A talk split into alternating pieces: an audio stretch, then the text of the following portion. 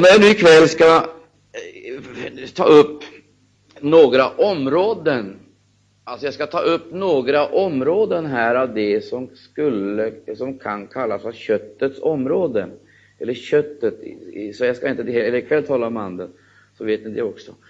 Utan jag ska också tala om några områden som speciellt eh, alltså eh, uppenbara för oss köttets tillvägagångssätt. Vi ska se här i skriften. Men innan vi gör det så ska vi göra klart för oss att vi lever i en värld, vi lever i en värld där vi själva, alltså såsom enskilda människor, såsom enskilda individer, på ett eh, eh, ganska typiskt sätt. Alltså, typiskt är alltså inte något exklusivt eller något särskilt märkligt. Men på ett ganska typiskt sätt så, så representerar vi det här. Vi, vi, vi representerar alltsammans, det finns i oss allesammans, detta vi talar om. Så det kan inte läggas utanför oss. Så det här är ingenting, det här är ingenting som ligger utanför oss eller som representerar vårt tillstånd innan vi kom till tro på Jesus. Så jag kan säga så här att det här är ett avslutat kapitel, sen jag kom till tro på Jesus Kristus blev döpt, så är det fixat och klart, jag är färdig med det där. Det är inte så.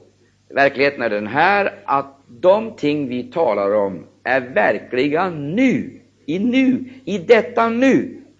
Och de är också verkliga och rejäla imorgon. Så länge vi befinner oss i världen så kommer vi att vara påverkbara, influeras av och influera, det vill säga vi kommer att vara påverkbara inifrån, inifrån därför att det finns latent i vårt väsen. Alltsammans, anknytningspunkterna finns där. Och jag tycker Paulus åskådliggör det här på ett alldeles utomordentligt klarläggande sätt, då han tar de här två exemplen och för in dem i undervisningen. Han tar Sara och Hagar, som då kommer att stå såsom eh, representanter för två förbund. Två förbund, två utvecklingslinjer. Men observera, båda emanerar, dessa linjer emanerar, kan härledas till Abraham. Men vi ska ändå inte bortse från det. Två förbund, två sköten, det är två söner. Det är löftet det är lagen, det är, det är tron och det är gärningen, eller vad man väljer att använda för uttryck. Och nu ska vi läsa i Galaterbrevet 4, och jag, jag ska säga det, att jag, jag ska uppriktigt sagt medge att det är inte med någon större glädje jag går till de här bibelstudierna, det ska ni veta. Därför att det här är inte lätt.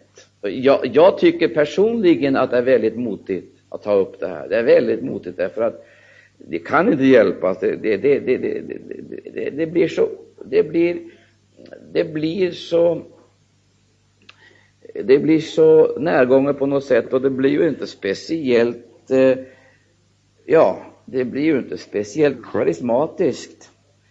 Det kan vi ju inte säga. Det blir ju inte speciella utrymmen för några karismatiska utsvävningar. Men det kommer väl det också kanske. I varje fall så vill jag säga en sak som jag tycker är väldigt väsentlig här också, det är detta att när vi nu läser om de här sakerna så kan vi med vårt sinne så kan vi tillgodogöra oss kunskap om det. Alltså vi kan alltså förvärva oss kunskap genom förkunnelse eller studier. Men vi ska göra klart för oss att det som sitter i sinnet, det löser inte problemet. Det gör det inte. För även om vi nu genom studier eller att vi lyssnar på förkunnelse skaffar oss kunskap om de här tingen, så är vi knappt mer än halva vägen. För att allt sammans detta kan vi tillgodogöra oss uteslutande genom erfarenhet. Alltså, man blir alltså inte en andlig människa genom studier. Det gör man inte. Man blir inte en andlig människa genom studier, utan man blir det genom erfarenheter. Och det är frågan om andligt djupgående erfarenheter, erfarenheter så att säga som inifrån, inifrån formar om oss, förvandlar oss till likhet med det ideal som Gud själv har framställt. Jag vill verkligen poängtera, även om vi nu tillägnar det här med vår kunskap och vi blir teoretiskt medvetna om att så är det, så kan vi kanske uppleva detta som en viss eh, känsla av trygghet, att vi känner till det. Men du ska icke för ett enda ögonblick tro att den kunskapen kan ersätta erfarenheten, utan erfarenheten måste till. Och sannolikheten talar väl också för att erfarenheten eh, måste till för att vi överhuvudtaget ska se det här ordet levande för oss. Det blir inte levande gjort förrän vi har själva erfarenheten utav det. Nej. Och nu ska vi börja med ett Jesusord ikväll och ska vi fortsätta med ett ord av Paulus och så ska vi se på den här illustrativa framställningen som han gör, som alltså Paulus gör av det tillstånd som människan befinner sig i. Vi skulle kunna kalla det ett slags konfliktläge. Vi ska försöka att hitta trådarna. I Johannes evangelium, där ger ju Jesus raka besked. Eh, eh, I det sjätte kapitlet, Johannes evangelium sjätte kapitel, där säger Jesus enligt 60, den 63 versen, 63 versen, det är anden som gör levande, köttet är till intet gagnligt. Och här ställer alltså Jesus anden och köttet emot varandra och vi kan i principiellt ge honom rätt. Så på det teoretiska planet kanske problemen är relativt små, men det är först när vi liksom i den praktiska gärningen, i det liv vi lever och ska leva i gemenskap med Jesus Kristus som problemen inställer sig. Och om vi nu i ett litet ögonblick lämnar den rent dogmatiska sidan här och ser på den själavårdande. Alltså det, det, det här handlar alltså inte om ett, ett dogmatiskt schema som ska inläras, utan det är en undervisning Jesus ger för att vi ska kunna ledas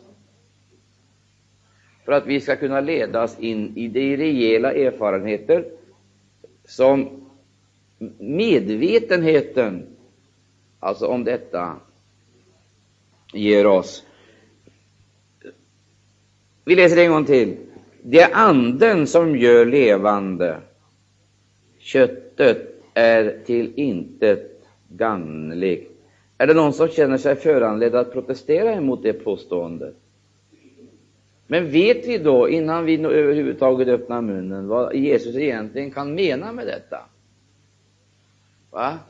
Alltså, han sätter alltså två saker emot varandra och han drar slutsatser. Är vi redo att bejaka detta villkorslöst?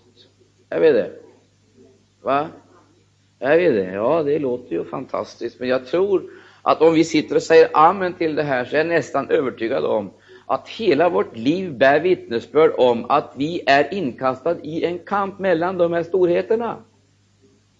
Det är teoretiskt klart för oss att köttet är till intet gangligt, men det är också, tror jag, om vi ska spegla oss i sanningsordet, klart för oss att vi ofta kommer in under köttets herravälde och blir ganska kötsliga. Och vi ska se några exempel på det, men innan vi gör det så ska vi gå till Romarbrevet 7, där vi efter alla de underbara sanningar, frälsningssanningar som är framförda i de sex första kapitlen, tycker oss märka en olycklig själ i en större svårighet än det han var innan han hade upplevt rättfärdiggörelsen. För att kampen i det sjunde kapitlet handlar ju inte om rättfärdiggörelsen, för rättfärdiggörelsen var Paulus medveten om. Och rättfärdiggörelsens frukt hade han verkligen, eh, hade han verkligen i rik mått blivit delaktiggjord utav. Och han säger att han hade fått frid med Gud. Lägg märke till genom Jesu Kristi blod. Men problemet var att Paulus, som hade frid med Gud, inte hade frid med sig själv. Alltså, han hade frid med Gud, så att det var inte hans gudsrelation som var störd i och för sig, för där höll han fast vid blodet som var ett verksamt medel emot alla hans synder, alla hans individuella synder och missgärningar. Men i det sjunde kapitlet där möter vi Paulus kamp. Där blottas en värld för oss, och jag skulle väl nästan kunna tänka mig att vi känner igen oss i den kampen. För att hur klart det än är med själva rättfärdiggörelsen och den sanningen, så är inte rättfärdiggörelsen genom tron. Alltså, eh, rättfärdiggörelse genom tron, eh, det, det enda som tillhör den kristnes erfarenhet. Jag ska ta upp rättfärdighetens tron här ikväll, eh, det har vi talat om tidigare.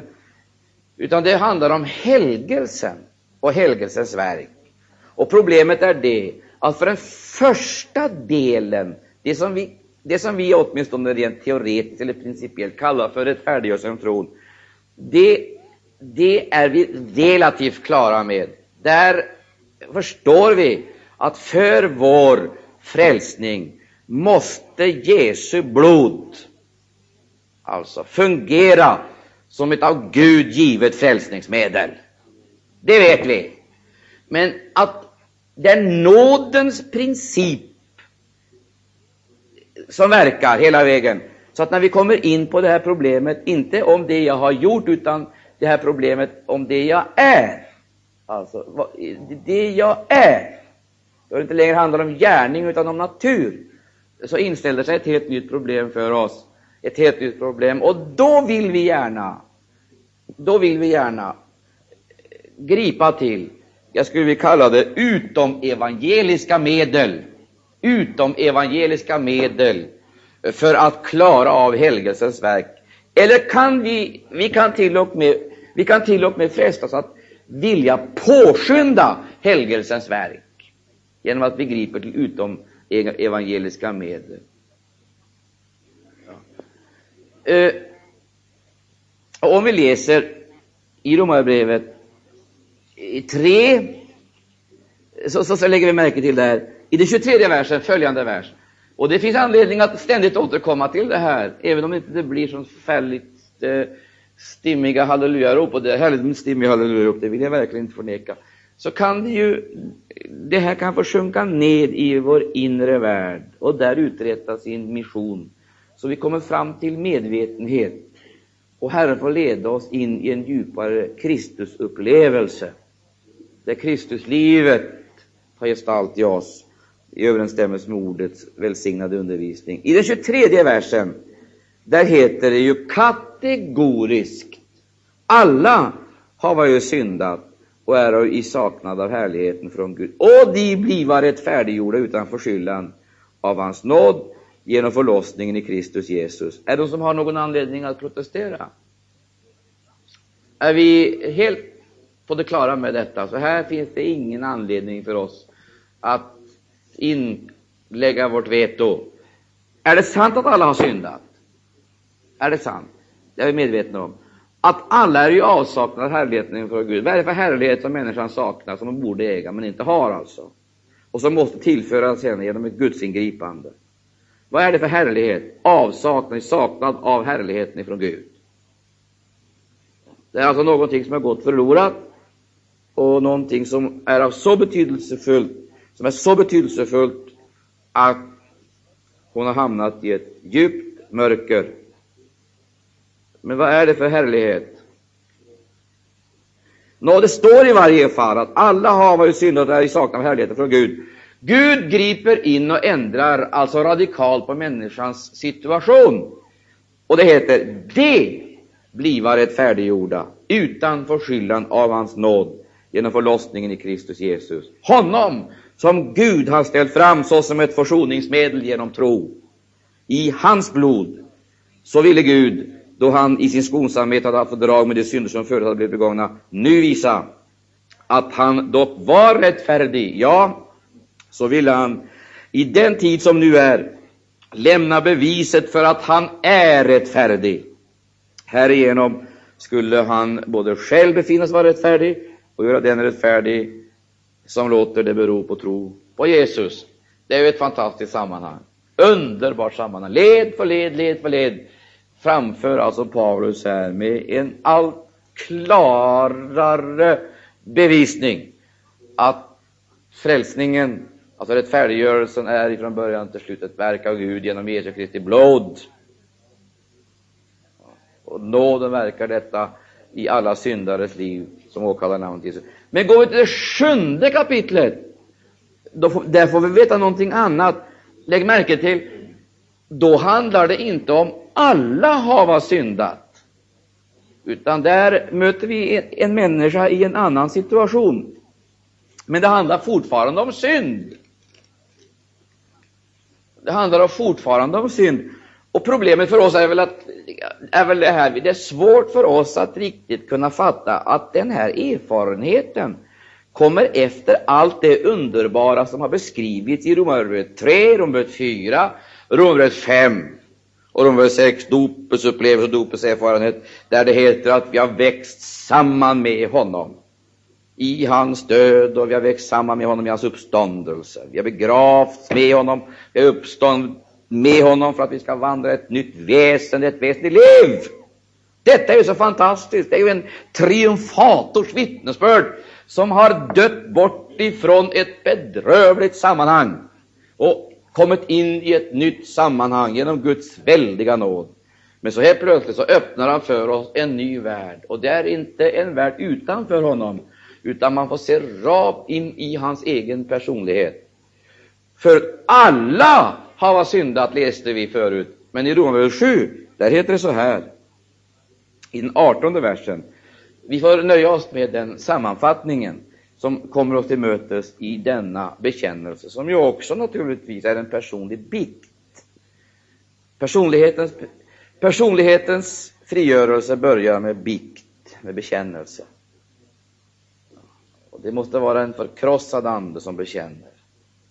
Det är inte bara ett intellektuellt, eh, ett intellektuellt konstaterande Nej, på grund av en massa personliga misslyckanden. Det är det också naturligtvis. Personliga misslyckanden ligger bakom, men det är erfarenheter. Vi ska läsa här i den 18 versen. Ty jag vet att i mig, det är i mitt kött, bor det icke något gott. Alltså, köttet är till intet gagnigt, sa Jesus. Sant? Och nu, säger, nu bekräftar Paulus det här. Han vittnar om detta.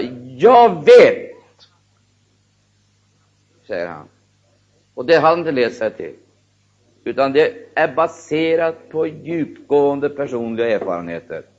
Jag vet att jag vet att i mig, det är i mitt kött, bor icke något gott.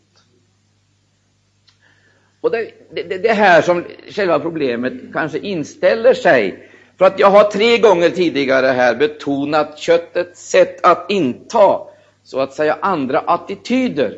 Köttet kan taktiskt förändra sig. Därför att när Guds verk börjar i en människas liv, så finns det en fiende i vårt väsen som sällan eller aldrig kapitulerar. Det är köttet. Ja. Uh, och även om vi nu tänker oss köttets gärningar, som vi har talat om i, eh, och läst om i Galaterbrevet 5, köttets gärningar, där vi ser hela den här lastkatalogen uppräknad. Det är en lastkatalog. Den börjar med en den börjar med otukt, fortsätter med orenhet och så ytterligare med, det, det, det, vad, vad handlar det om? I Galaterbrevet 5.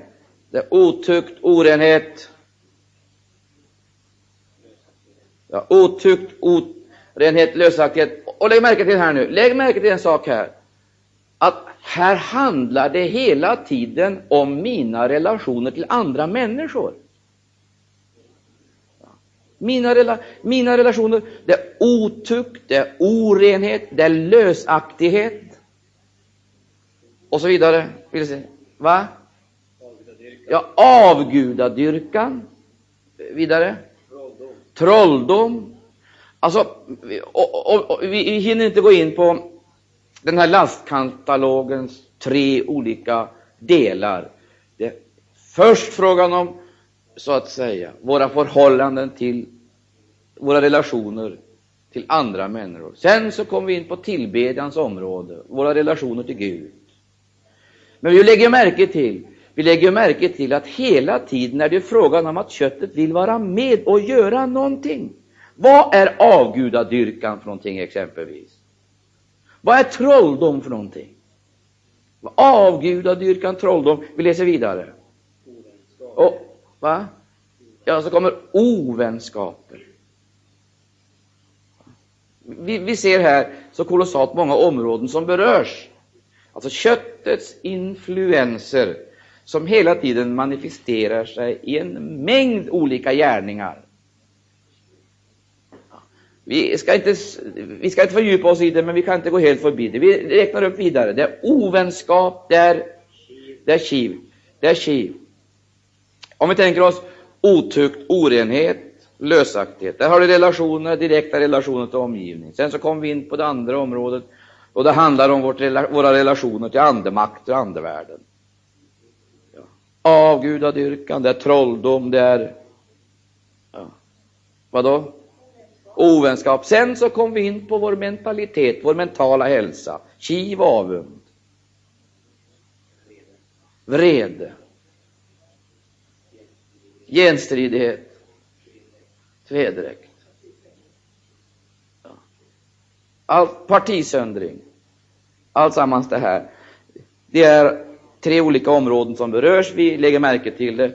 Det är för det första kontakten med människorna i min omgivning. Jag ska inte säga så värst mycket annat än konstatera att eh, det är bara, det, det är bara att konstatera att det handlar om, det handlar alltså om eh, missbruk. Hela tiden missbruk, missbruk, missbruk, missbruk och missbruk. Otukt, orenhet, missbruk av kroppen. Sant? Och så avgudadyrkan, eh, trolldom, missbruk utav Andens kapacitet och resurser. Och så har vi kiv av en missbruk utav vår psykiska kapacitet, vår mentala hälsa, vårt mentala tillstånd. Alltså, det är frågan om missbruk hela vägen. I motsats till detta står alltså Andens frukt. Men lägg märke till, det är ju icke en enda en utav oss som sitter här inne som på något sätt vill träda upp och försvara den lastkatalogen. Vi är väl alla eniga om att allt det som uppräknas i den är avskyvärt. Så på den punkten råder inget problem. Problemet inställer sig först när vi ska uppnå det som utlovas i nästa sammanhang. Därför att Paulus talar om Andens frukt åter är. Och vad är Andens frukt? I motsats till allt detta vi har räknat upp. Vad är Andens frukt? I motsats till detta. Va? Det är kärlek, renhet, frid, tålamod, godhet. Va? trofasthet, renhet. Det är viktigt för oss att vi lyssnar på det här ikväll nu. Vi talade om i mitt kött borde inte ett gott. Alltså, och det är detta närvaron av denna gudsfientliga princip i vårt eget väsen som skapar disharmoni i min inre värld. Förstår du? Därför att jag vill egentligen vara annorlunda än det jag är. Jag vill inte så att säga brottas eller syssla med de här tingen. Jag vill fram till Andens frukt, kärlek, renhet, glädje, frid, tålamod, mildhet, godhet, trofasthet, saktmod. Är det någon som inte vill ha det här? Är det någon som vill ha allt sammans detta? Vi vill ha det allsammans. Då inställer sig det här problemet. Hur ska vi få det? Köttet säger nej, naturligtvis. Eller vi säger nej till alltsammans detta. Men köttet vill gärna, så att säga, inbilla oss att köttet kan köttet kan förfinas eller tuktas eller behandlas så att det kan producera fram de här egenskaperna. Och det är där vi bedrar oss. Där sitter det stora bedrägeriet. Vi ska se lite på det här. Vi, vi, vi, ska se lite på det här. Vi ska faktiskt göra det. Gud måste därför ingripa i vårt liv och liksom reparera skadan. Därför att efter fallet så har det skett någonting med människan. Det har skett någonting med människan. Det har skett en märklig förbindelse i människan, en, en förbindelse som är skadlig för henne själv. Vad är, det förbindelse, vad är det för förbindelse som Gud måste upplösa? Det är någonting så i människans väsen som Gud måste upplösa genom ordet. Vi ska se i Hebreerbrevet 4. Någonting måste upplösas eftersom det efter fallet har skett en förening och en sammansmältning, skulle jag vilja säga, mellan de här två mellan de här två, inte egenskaperna, men delarna i människans personlighet. Eh, i Hebreerbrevet 4, i Hebreerbrevet 4, där läser vi med varandra det fjärde kapitlet, Hebreerbrevet 4 och 12. Ja, jag, personligen så tror jag nämligen att det här bibelord som vi nu ska läsa med varandra, det har vi läst kolossalt många gånger. Och jag, jag, är nästan övertygad om att de flesta av oss inte vet vad som menas med det. Jag är ganska övertygad om det. Jag, jag, jag kom på mig själv eh, ganska nyligen att jag läst den här, bibel, den här bibeltexten kolossalt många gånger utan att riktigt stanna inför djupet i det. Vi ska lyssna till vad ordet säger här. Vi läser i den, från elfte versen. Så låt oss nu med all flit sträva efter att komma in i den vilan, för att ingen må såsom det falla och bliva ett varnande exempel på ohörsamhet. Lägg märke till, det är två grupper Paulus här talar om. Lyssna nu noga till detta. Det är det och så är det oss. Det är det och så är det oss. Han talar om en grupp som, ska vi använda uttrycket, misslyckades eller gick vilse av någon speciell anledning. Och de står i historien såsom ett varnande exempel. På samma gång som vi har Kristus framför oss som vårt föredöme, så behöver vi också lära utav dessa varningar. Och lägg märke till, varningarna i det här sammanhanget handlar om människor som gick vilse. Då är frågan den, var tog de fel någonstans? Var ligger den fundamentala skillnaden mellan dem och oss? Det är viktigt att vi får veta det eftersom resultatet till synes blev så fruktansvärt olika. Han talar om de som kommer in i vilan och de som utestängs ifrån den. Alltså, vad kan det handla om? Det måste väl handla om att det använder en felaktig princip, en felaktig metod.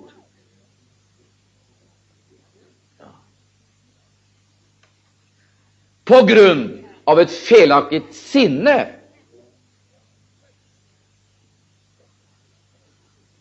Som i sin tur var orsakad av en förväxling, en, en, en, en förväxling och en begreppsförvirring. En förväxling, alltså. Och det är den förväxlingen som är så vanlig och så farlig. Det var en förväxling. Ni förstår, det är lätt för oss att förväxla det vi själv åstundar och vad som är Guds vilja. För vi är så rustade och funtade att vi kan liksom eh, låta eh, våra inre krafter, vårt sinne, vår själs förmögenheter eller, vår, eller vårt kött, alltså, dresseras till en viss disciplin.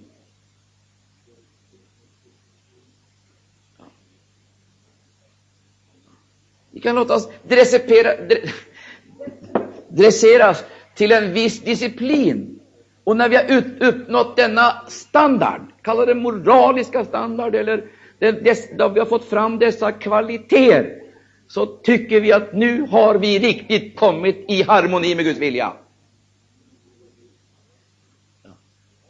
Och så tycker vi, nu står vi säkert. Det är mycket möjligt att vi står säkert. Det är bara det att vi står inte på trons territorium, på trons område. Vi har förpassat oss utanför trons område genom att skapa eller konstruera eller producera det jag skulle vilja kalla en egen frälsningslära. Och sammanblandningen här beror på förväxlingen som vi gör därför att efter fallet så skedde det någonting med vår ande. Anden förlorade gemenskapen med Gud. Den förlorade gemenskapen med Gud och den upphörde icke att existera. Därför att död är icke detsamma som att man upphör att existera. Död betyder skilsmässa. Anden skildes ifrån Gud och ingick en förening, får jag säga det, med själen. Den sjönk ned alltså på ett, ett onaturligt plan. Ett onaturligt plan. Och det, skriften säger att det är just de själiska människorna som är de farliga. Därför att det är på just det planet som den onda andevärlden opererar. Jag vet, jag talar om svåra ting här ikväll. Ni får försöka följa med, för att eh, vi, vi måste få blicka in i det här. Lyssna eh, eh, till det vad jag säger. Då denna förening, så att säga, hade ingått, så att jag höll på att säga, det hade skett en slags organisk förening mellan de här två tingen, så omöjliggjordes, eller i varje fall, Eh, om inte direkt omöjliggjordes, så försvårades det för människan att riktigt kunna utgrunda eller förstå vad som var Guds vilja.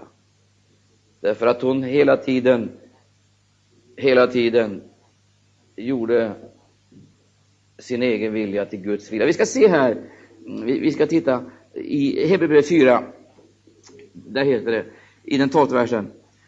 Ty Guds ord är levande och kraftigt och skarpare än något tvegat svärd och tränger igenom så att det åtskiljer själ och ande, märg och ben, och den domare över hjärtats uppsåtstankar. Det vill säga, det måste ske en skilsmässa här.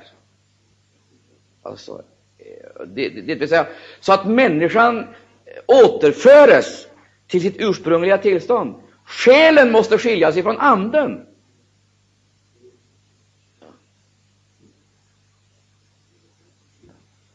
Och det är det som kallas för pånyttfödelse. Alltså själen blir skild ifrån anden. Det kallas för pånyttfödelse. Så pånyttfödelsen den börjar i vår ande.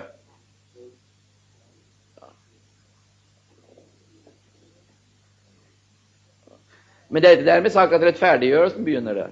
Men nu ska jag inte krångla till i onödigt. Utan vi ska göra klart för oss en sak. Man kan nämligen uppleva någonting av rättfärdiggörelsens verk innan man har gjort det på nyttfödelsens erfarenhet. Ja, bryr sig Gud. Här måste det alltså ske en uppbening, en skilsmässa. Det måste, det måste skiljas åt. Jag höll på att säga, det är så som siamesiska tvillingar. Alltså, de måste skiljas åt. Anden måste skiljas ifrån själen. Nu är frågan den, vad kan då skilja anden ifrån själen? Jo, säger skriften, det är på samma sätt, det går till på samma sätt som när överste prästen i Gamla testamentet tog offret. Tog offret som syndaren förde till prästen, eller till altaret, för att det skulle offras. Vad gjorde prästen? Prästen band offret vid altaret. Bandet. Och vi är bundna fast med kärlekens tåg. Bandet fast. Då fanns det ingen rum för privata utflykter sedan, utan då var det fastbundet. Men sen när det var fastbundet så skulle det behandlas. Det vill säga, offret måste överlämnas åt altaret. Och offret måste samtidigt under. Gå! översteprästens behandling. Vad gjorde han? Han tog en skarp kniv och så delade han offret i två delar. I två delar. Han åtskilde del från del i två delar. Och nu heter det, det är exakt samma behandling som vi måste genomgå.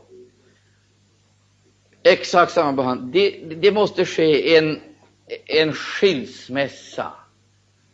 Det är någonting som måste, som måste åtskiljas. Guds ord är levande och kraftigt och skarpare än något tvegat svärd och tränger igenom så att det åtskiljer själ och ande, märg och ben och det är en domare över hjärtats uppsåt och tankar. Och vad gjorde han för någonting mera? Jo, han tog fram benen och så tog han ur märgen ur benen. Han skilde alltså kroppsdel ifrån kroppsdel och så skilde han benen ifrån märgen. Och nu vill jag fråga er här, varför var denna process nödvändig? Vad är det Gud i detta vill åskådliggöra? Och så vill jag eh, verkligen poängtera att detta var översteprästens gärning. Det, det, det ingick i hans uppdrag att göra detta. Och här kommer det jag skulle vilja kalla för slutsatsen som aposteln drar. Han säger så här i den trettonde versen. Inte skapat är fördolt för honom, utan ligger blottat och uppenbart för hans ögon. Och inför honom skola vi göra räkenskap. Det är ju helt uppenbart här alltså att vi ska inte försöka sätta Andens etikett på det som är själens produkter. Jag säga det här en gång till? Och, och, och se på mig. Men se glada ut, hörni. Så, se inte så förtvivlade ut, för att det här är faktiskt, hur otäckt det än låter, ett underbart Gudsverk. Du, alltså vi ska inte försöka sätta, sätta Andens etikett på själens produkter, menar han. Vi ska heller inte försöka sätta Andens etikett på köttets produkter. Ty även om människor kan frestas att bedöma, på grund av förväxling, bedöma eh, själiska ting såsom andliga. För det är en gång så att människan har en benägenhet att betrakta det som är kultiverat för andligt. Bara det är tillräckligt kultiverat, då menar hon att det är andligt. Och det som är primitivt, det är kötsligt.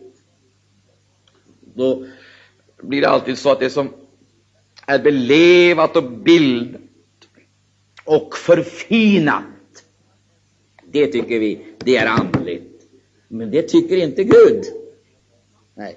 Och det som är primitivt eller grovyxat och kanske också lite banalt eller vulgärt eller någonting i den där stilen, det tycker vi, det är kötsligt. Men det tycker inte Gud. Så dömer inte Gud. Det gör han inte. Gud skådar igenom.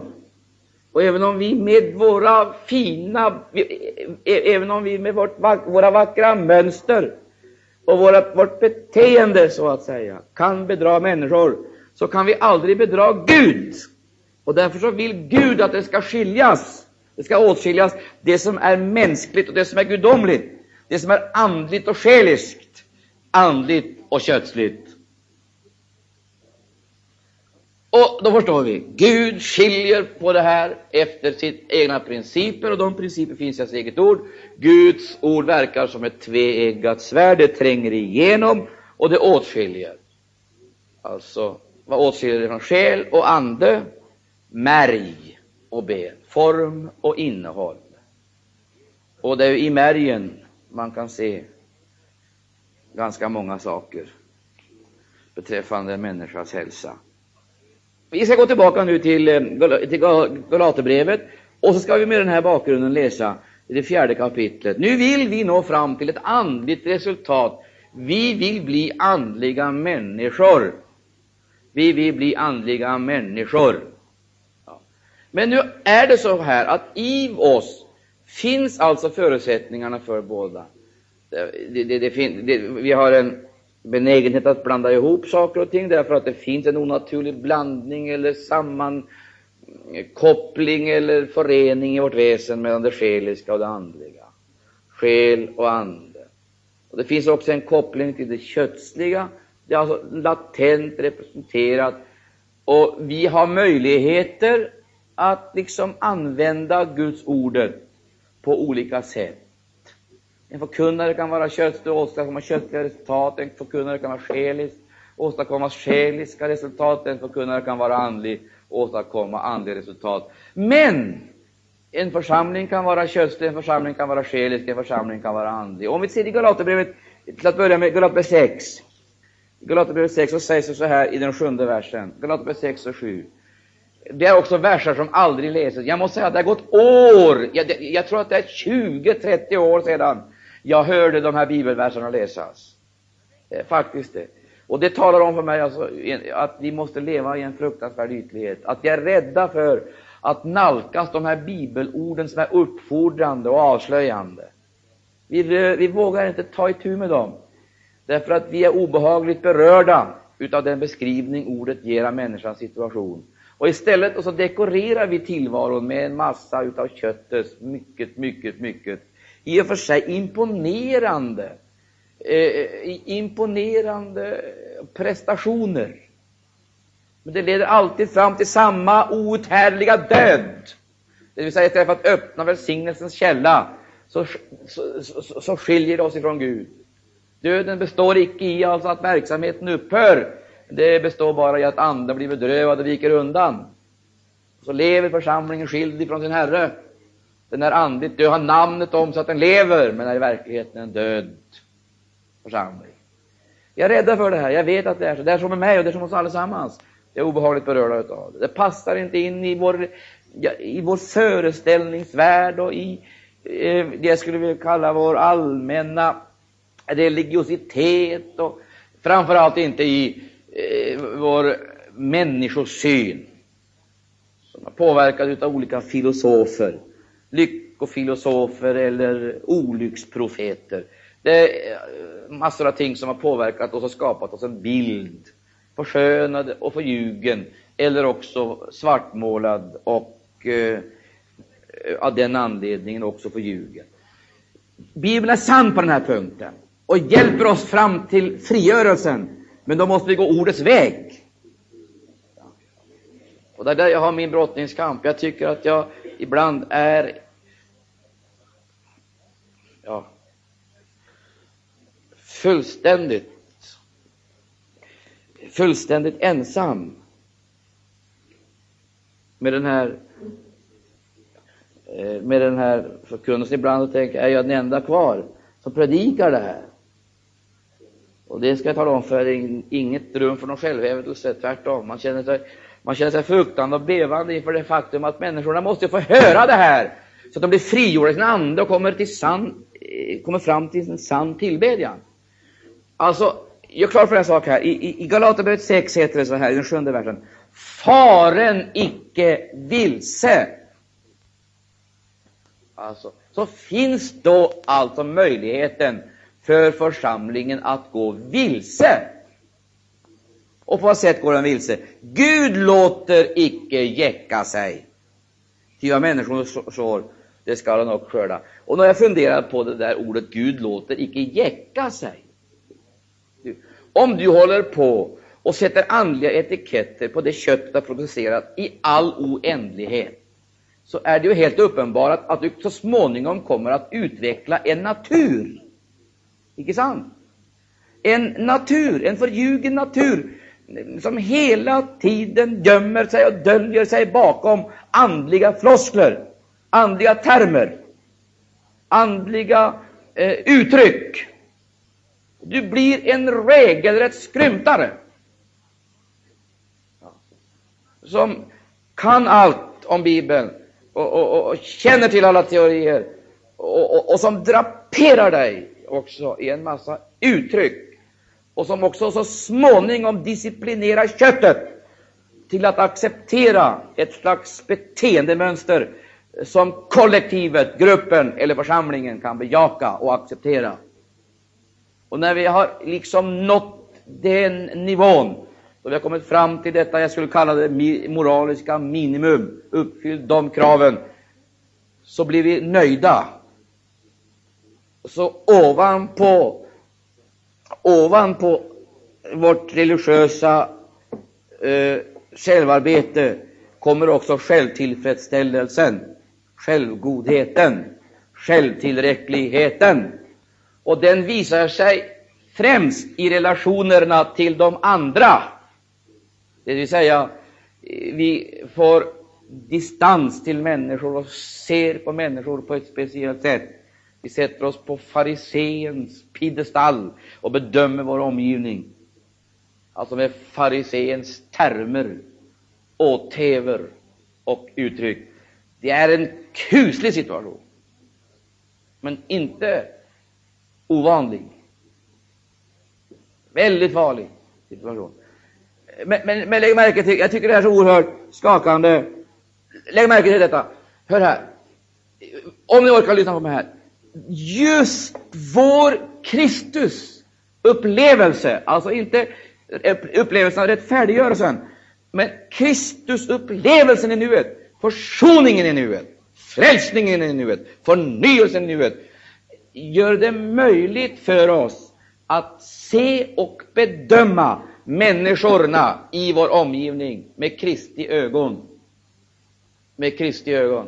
Och för att här i det sjätte kapitlet, där dessa fruktansvärda varningens ord möter oss, där heter det i början, mina bröder, om så händer att någon ertappas med att begå en försyndelse, då må i, som är en andliga människor, upprätta honom i saktmods ande. När behöver vi saktmod? Va? När behöver vi saktmod? Och när behöver vi upprättelsens kraft? Där när någon i vår omgivning har misslyckats. Och där har vi det tillbaka som jag sa förut här. Vi talade tidigare om det som var köttet, otukt, orenhet, lösaktighet. Dessa krafter som finns i vårt väsen. Det är alltså ett sätt att exploatera omgivningen, utnyttja omgivningen, begära och kräva av omgivningen. Det är detta förhållande Gud definitivt vill ändra på. Leda oss in i ett nytt tillstånd, i en ny ande, med en ny kraft. Prise Gud. Och så heter det, om någon ertappas med att begå en försyndelse, som hon är, alltså, som är en andliga människor, upprätta honom. Här möter du den andliga människan. Läser du det? I som en andliga människor. Här möter du den andliga människan. Så det var inte hennes förhållande till Gud i första hand som andligheten uppenbarade sig. Det var icke i förhållande till Gud i första hand som kötsligheten uppenbarade sig, utan det var i förhållande till omgivningen, relationerna till de närmaste, till syskonen. Men lägg märke till, lägg märke till, om någon ertappas, här har du inte någonting som är förberett eller eh, organiserat. Förstår du? Det är inte en hjälpaktivitet som är förberedd och organiserad. Här kastas man liksom nästan abrupt in i en situation. Och det är just i den oförberedda situationen, då man icke har hunnit gardera sig, icke har hunnit gardera sig, inta attityder. Eller fromhets, eh, vad jag kallar det för, eh, fromhetsgester. I den där oförberedda situationen då man ser någon som har ertappats med att begå en försyndelse. Det är i den situationen den andliga människan avslöjar sig med sitt saktmod. Med sitt saktmod. För att ett faktum är att även här finns köttet med. Och jag skulle vilja säga, det är just i den situationen då man möter synden hos andra, eller misslyckandet hos andra, som det är just här hela problemet, liksom på ett alldeles speciellt sätt tillspetsas. Vågar jag säga. Det är. För att här kan köttet mobilisera sina resurser, och de är inte små. Den kan ta hela lagen till hjälp. Nu säger lagen att sådana skall stenas. Vad säger du? Jag vill inte påstå att någon av oss skulle vilja ta upp stenar ifrån marken och rekommendera föreståndaren att fysiskt beröva någon livet. Men det är en lindrig dom jämförelse med den dom som läpparna, tungan uttalar. Och det kan vara lättare att möta skjutjärnet och en blyladdning och ett stenregn än en tunga. En tunga. Det här är ett farligare vapen, jag höll på att säga, än allt trotyl som existerar i världen. Och framför allt när vi i fromhetens tecken riktigt vill bli Guds renhållare, då är det livsfarligt. Vi talar om den rena församlingen, exempelvis. Och jag vill inte påstå någonting annat än att Gud önskar att församlingen ska vara ren. Men vad är renhet för någonting? Svara mig på det. Som någon sa till en predikant för några årtionden sedan. Han sa så här. Jag kan icke vara med i den församlingen, för den är inte ren. Då svarade predikanten. Det innebär att du aldrig kommer att kunna vara med i någon församling på jorden. Ty om det funnes en församling som vore ren, då skulle den församlingen genast bli oren då du kom dit. Så vore församlingen i alla fall oren. Och det ligger en verklig djup sanning i detta.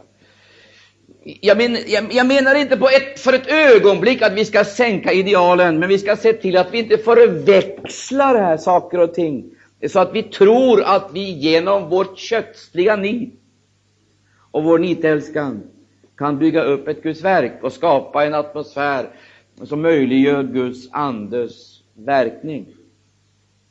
Utan renheten den är baserad på en helt annan grund, min älskade vän. Och nu ska jag tala rent ut ett språk som egentligen är rätt fruktansvärt, men det är min uppgift att göra det, jag är tvungen att göra det. Jag får hålla på så här, det kan jag inte göra. Min älskade vän, gör klart för en sak. Detta är ett väldigt problem, därför att du förstår, Guds verks största skada, det är det att köttet vill ta hand om sanningarna och bruka det efter sitt eget, sitt eget väsen. Och nu kommer det. Vi kan säga, vi har nyss läst, vi har nyss läst. Om någon ertappas med att begå en försyndelse, då må i, då må ni som är en andliga människa, upprätta honom i Sakmos ande. Och du må vara akt på dig själv. Stryk under det, lägg märke till. Lyssna nu noga till det jag säger här nu, så får du hjälp i en väsentlig sak. Lägg märke till det här. I som ären andliga människor, talas det till. Men de och du må ha akt på dig själv, att icke också du blivit frestad. Det vill säga, att vara andlig det innebär inte att man är utanför farozonen. Utan även om man är aldrig så andlig och har Andens frukt manifesterad i sitt liv, så är vi liksom i farozonen och det finns latent i vårt väsen. Alltså ting som kan så att säga näras och börja gro, knoppa och så vidare, växa fram. Och vi ska se här på, på några saker som det här talar om. Vi ska gå till Romarbrevet 8. Romarbrevet 8. Gud låter icke jäcka sig. Är det någon som kan tänka sig, vad är det för ett ord? Gud låter icke jäcka sig. Jag ska säga en sak, mina älskade vänner. När jag läser Bibeln och ser vilket arbete den heliga Ande bedriver för att få fram sitt verk, så har jag väldigt liten, jag har väldigt liten lust att klandra världen. Det må jag säga. För att världen lever på sitt sätt och lever ut sitt liv, det är helt begripligt. Men när jag, när jag ser hur, hur lite så att säga anden har lyckats utföra i våra liv, då blir jag faktiskt väldigt betänkt. Jag tycker det är klandervärt. Och vi behöver verkligen inte slå ner på världen att den lever som den lever och rullar runt i mm, eh, sina utsvävningar. Det är ingenting annat att vänta. Vad vi däremot kan klandra och känna oss bedrövade av det är att vi kristna är så ytliga. Att vi inte har någon hjälp att erbjuda. Vi går till Romarbrevet, då ska vi i åttonde kapitlet läsa eh, några verser där. I, i åttonde kapitlet, Romarbrevet 8, och eh, vi kan läsa i eh, den femte versen. Ja, vi kan läsa fjärde också. Fjärde. Så skulle lagens krav uppfyllas i oss, stryk under i, i, icke på oss, men i. Lagen ska uppfyllas i oss, alltså Kristus i oss. Lagen ska uppfyllas i oss som vandrar icke efter köttet, utan efter anden. Till det som är okötsliga, de har vad sitt sinne vänt till vad köttet tillhör, men det som är andliga, de har vad sitt sinne vänt till vad anden tillhör. Här har vi den här dualismen igen. De som är och kötsliga, de har vad sitt sinne vänt till vad köttet tillhör, men de som är andliga, de har vad sitt sinne vänt till vad anden tillhör. Och så kommer det, köttets sinne är död, medan andens sinne är liv och frid.